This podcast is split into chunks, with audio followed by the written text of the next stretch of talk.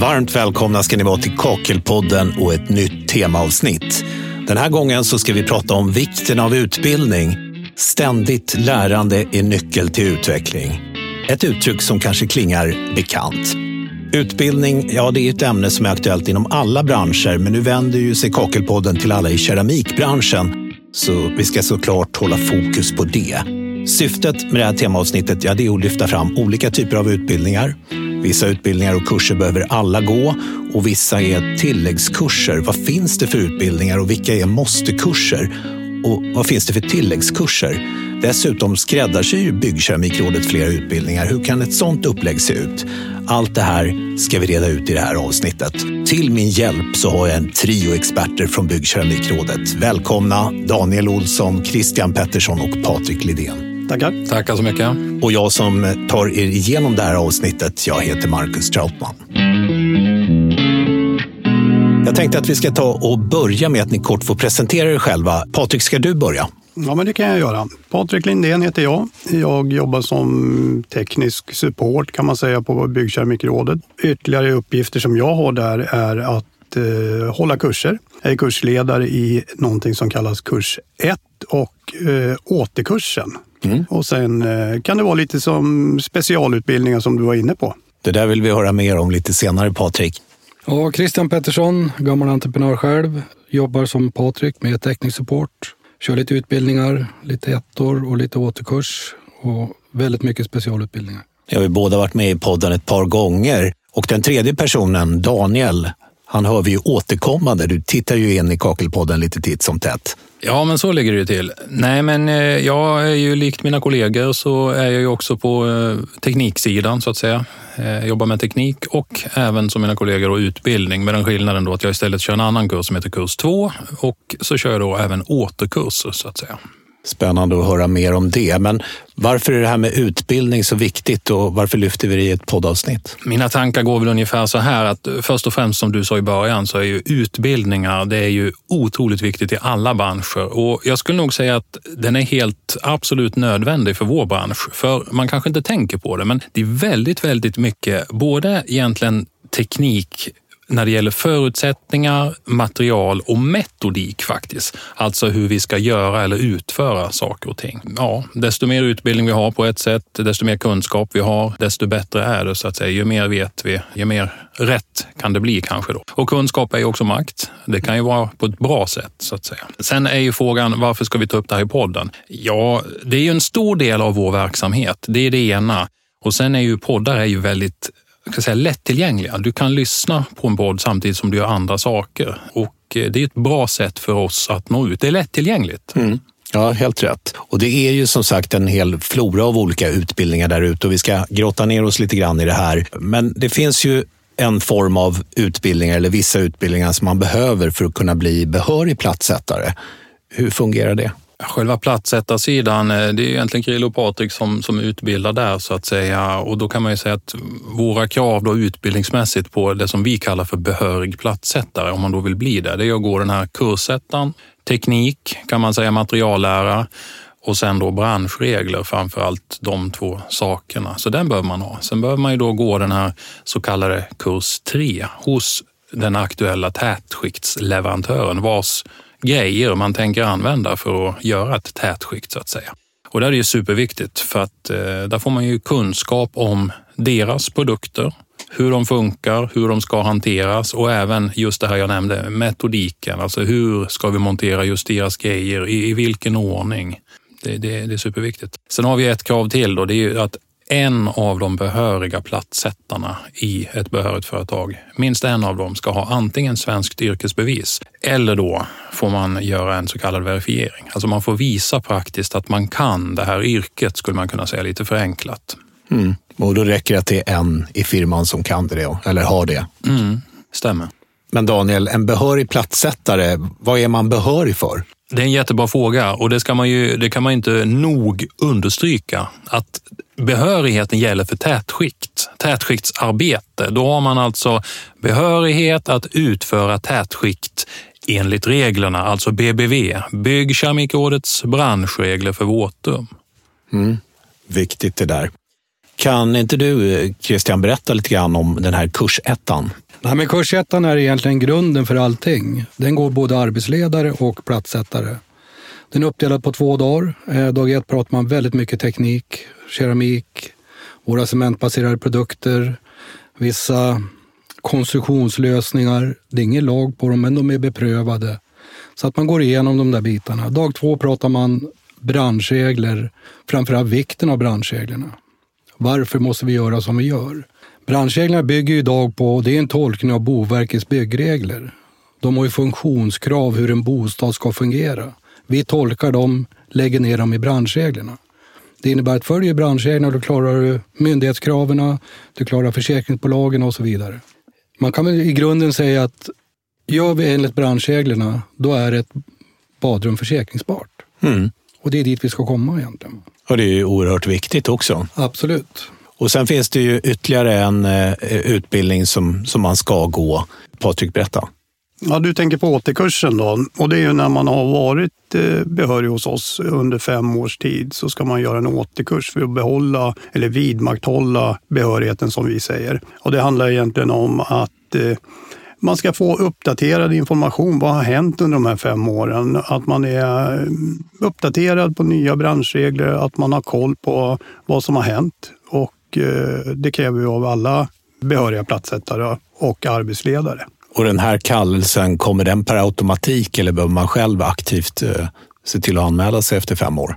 Har man varit duktig och noga med att skicka in information om mejladresser och telefonnummer så, så skickar vi ut en kallelse efter de här fem åren. Och då har man hela, man kan säga år sex på sig att se till att man går den här återkursen. Då. Så fortsätter man sin behörighet helt enkelt. Okej, okay, så om man sitter och lyssnar på det här så kommer man på att fan, jag bytte ju företag här för några år sedan.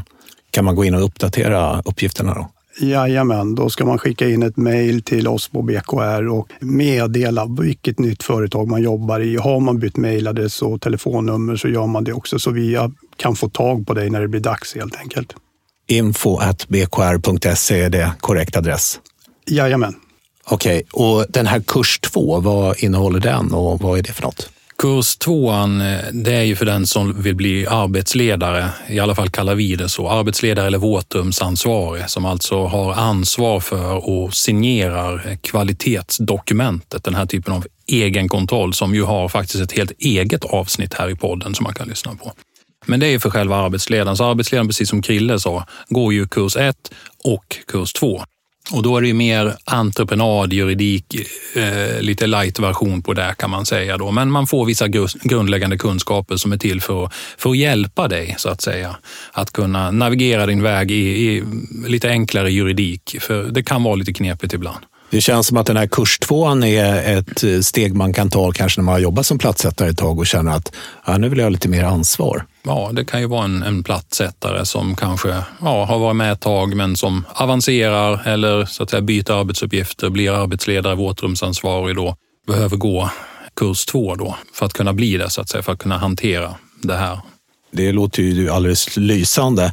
Ni har ju faktiskt en mängd kurser och utbildningar och tilläggskurser. Vad finns det mer för någonting? Nej, men man kan väl säga så här, vi, vi har ju möjligheten att skräddarsy, precis som du säger, egentligen nästan vad som helst inom det här området. För ett företag kan ju som sagt vilja utbilda sina anställda och även de såklart som är ja, på olika sätt i ledande befattning. Och då, då kan man faktiskt tala om det här och det här och det här området. Det vill vi ha en utbildning på så att vi blir bättre på just de här grejerna. Och det är ju Krill och Patrik som håller i de kurserna, så du kanske har någonting mer att tillägga där, Patrik? Ja, men det kan ju vara, det kan ju vara försäkringsbolag som vill ha eh, för sina skadereglerare och få mera information om vad står det faktiskt i branschreglerna och eh, utveckla sin kunskap i, i, i regelverket som vi har. Eh, det kan ju också vara gentemot eh, fastighetsbolag. Det kan ju vara, du kör ju till exempel besiktningsmannakursen också som blir ganska speciell. Och...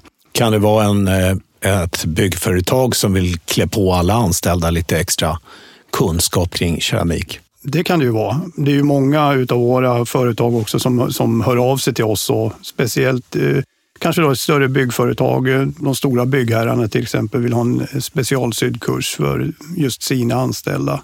och ta in byggaren i den kursen också bland annat.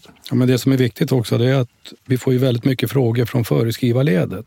En arkitekt eller till exempel att de vill veta, okej, okay, är det här spannet plattor jag kan välja med på en korridor i en skola till exempel? Eller det kan vara någon projektör som, som vill ha för att de föreskriver vissa keramiska konstruktioner så att de är up to date. Så att det är både för utförarledet och för föreskrivarledet. Mm. Jag kan fylla på lite också där. Jag tänker lite så här också.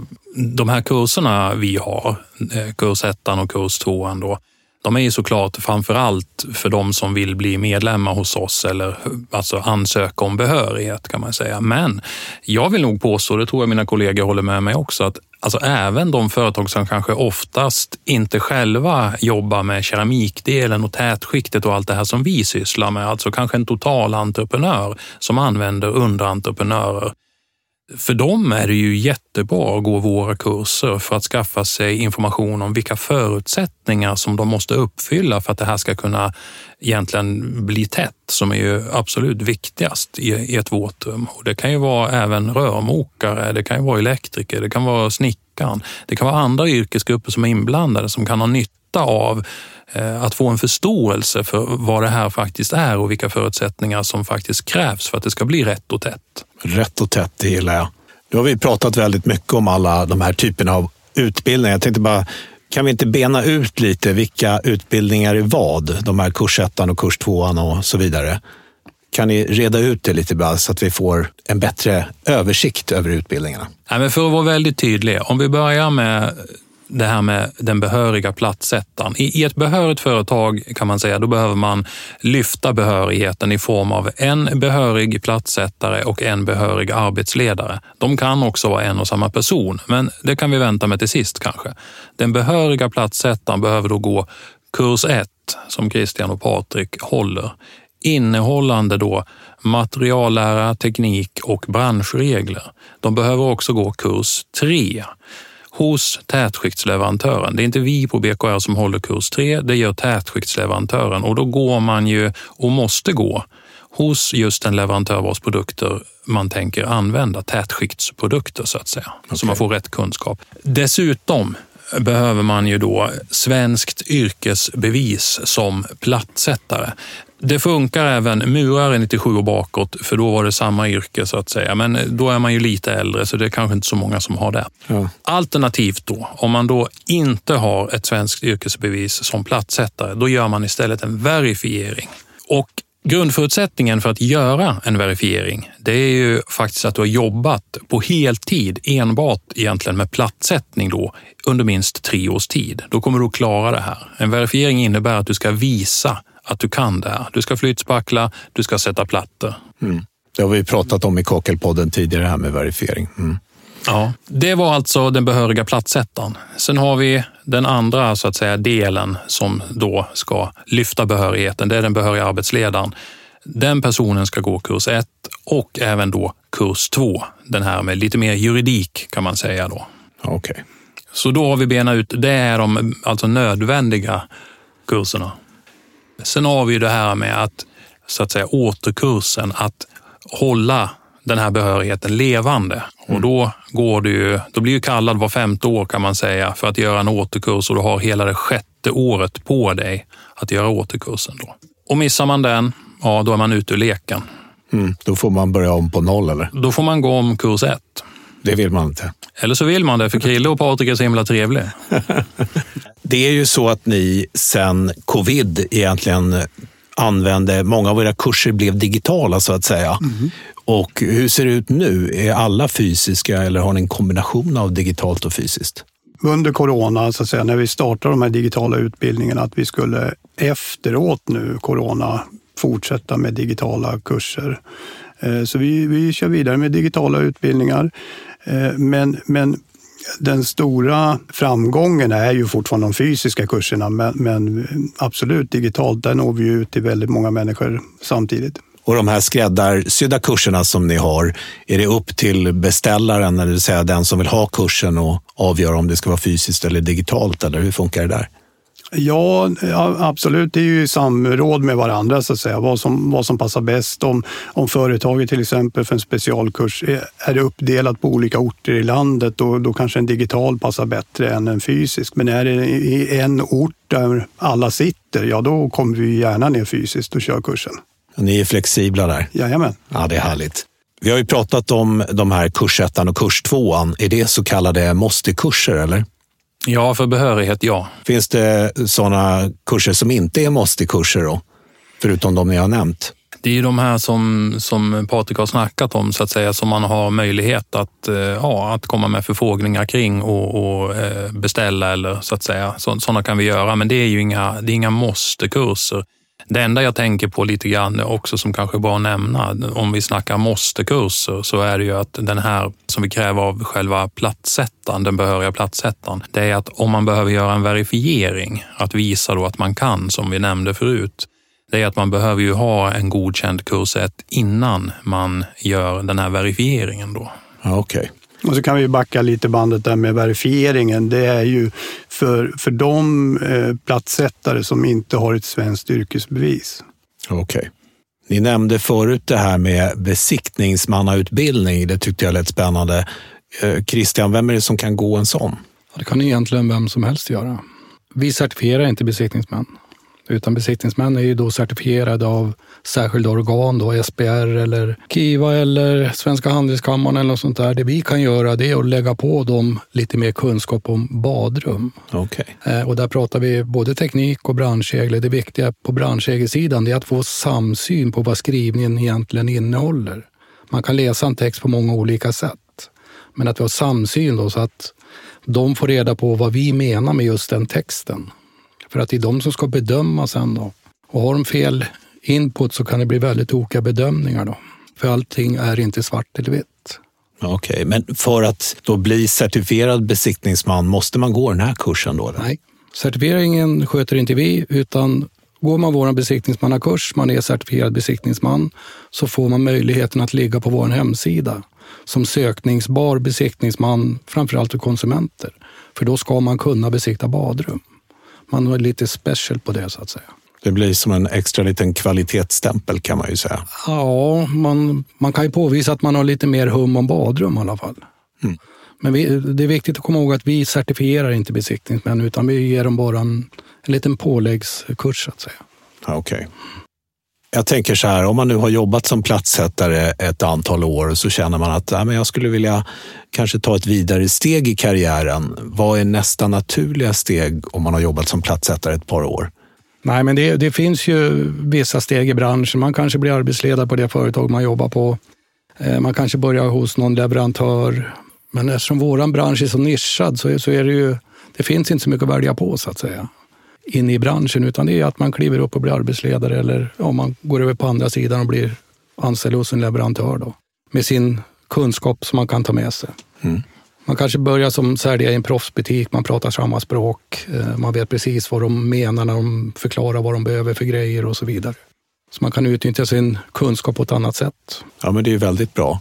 Jag tänkte bara, det beror sig på också hur man menar att man har varit platssättare. Har man, har man om man säger jobbat som anställd platssättare, så då, då kan det vara precis som Krille säger, men det kan också kanske vara så att eh, man blir sugen på att faktiskt starta eget om man nu inte har eh, ja, kört kanske för hårt för länge, för då, då kanske man inte är sugen på det. Då. Men, men eh, det kan ju vara en möjlighet också att, att starta upp eget då och söka egen behörighet och uppfylla våra villkor så att säga för det. Och det kan ju alltid vara en utmaning i sig också att starta eget företag och bredda sin kunskap på det sättet. Ja, och, och, kanske då om allt går bra kunna anställa. Ja.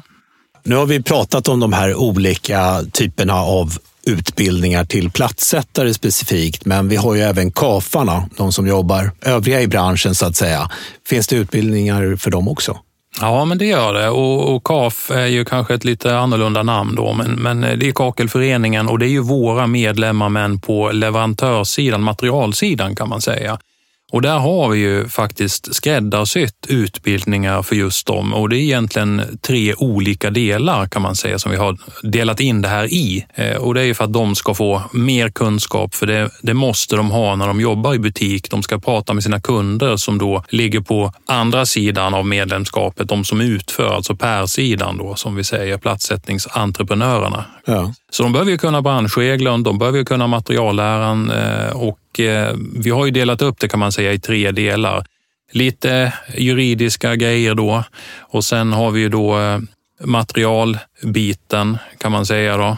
Och så har vi den sista biten då och det är ju branschreglerna såklart. Och allt det här är ju jätteviktigt och det är ju ett exempel på väldigt, väldigt specifikt skräddarsydd utbildning för just KAF-sidan. Mm. Och hur långa är de här tre olika inriktningarna? Ett par, tre timmar mm. ungefär.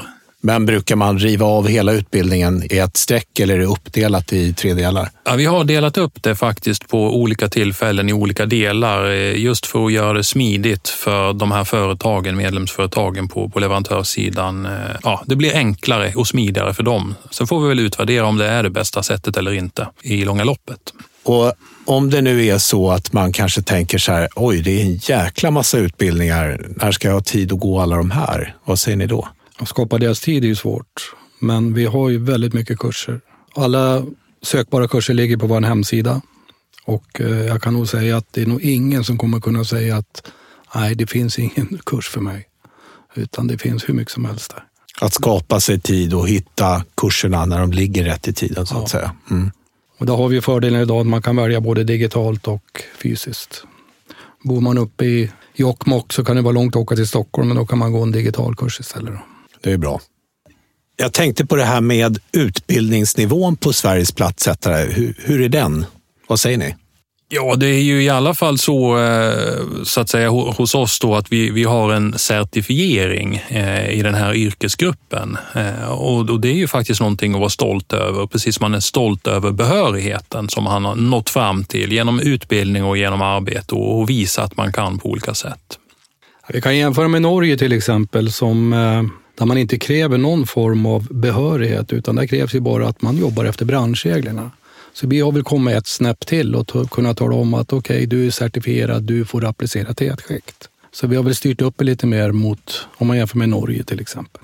Mm. Ja, men tittar man i byggbranschen överhuvudtaget, och så den som skapar mest förutsättningar åt oss är ju snickaren till exempel. De har ingen certifiering. Vi har certifiering, rörmokarna certifiering, elektrikerna certifiering. Men den viktigaste gruppen som skapar våra förutsättningar, de behöver inte ha någon certifiering. Därför är det viktigt också att som vi ser fler och fler byggföretag eh, skickar deras badrumsbyggare då, så att säga på våra kurser eller vi åker ut till dem och kör en halv dag eller något sånt där så att de förstår varför plattsättaren är så grinig när han kommer till bygget för han har inte rätt förutsättningar. Vi går igenom det, försöker stötta plattsättaren så mycket det går då. Att snickarna förstår vikten av varför måste vi ha de här förutsättningarna? Jo, annars kommer inte han lyckas med sitt arbete eftersom han har en certifiering att leva upp till att följa branschreglerna. Och där blir det mycket krig många gånger. Mm. Men får snickarna lite förståelse så brukar det funka bra. Patrik, vill du lägga till något? Kanske inte i den här, men jag, jag kom ju på att eh, vi skulle ju också kanske säga och nämna att eh, kurs 1 finns ju på olika språk som man då kan eh, både på svenska och engelska. Där vi inte har för kurs 2 på andra språk, men kurs 1 finns på andra språk. Plus att vi har väldigt många animerade filmer om våra branschregler eh, på vår hemsida.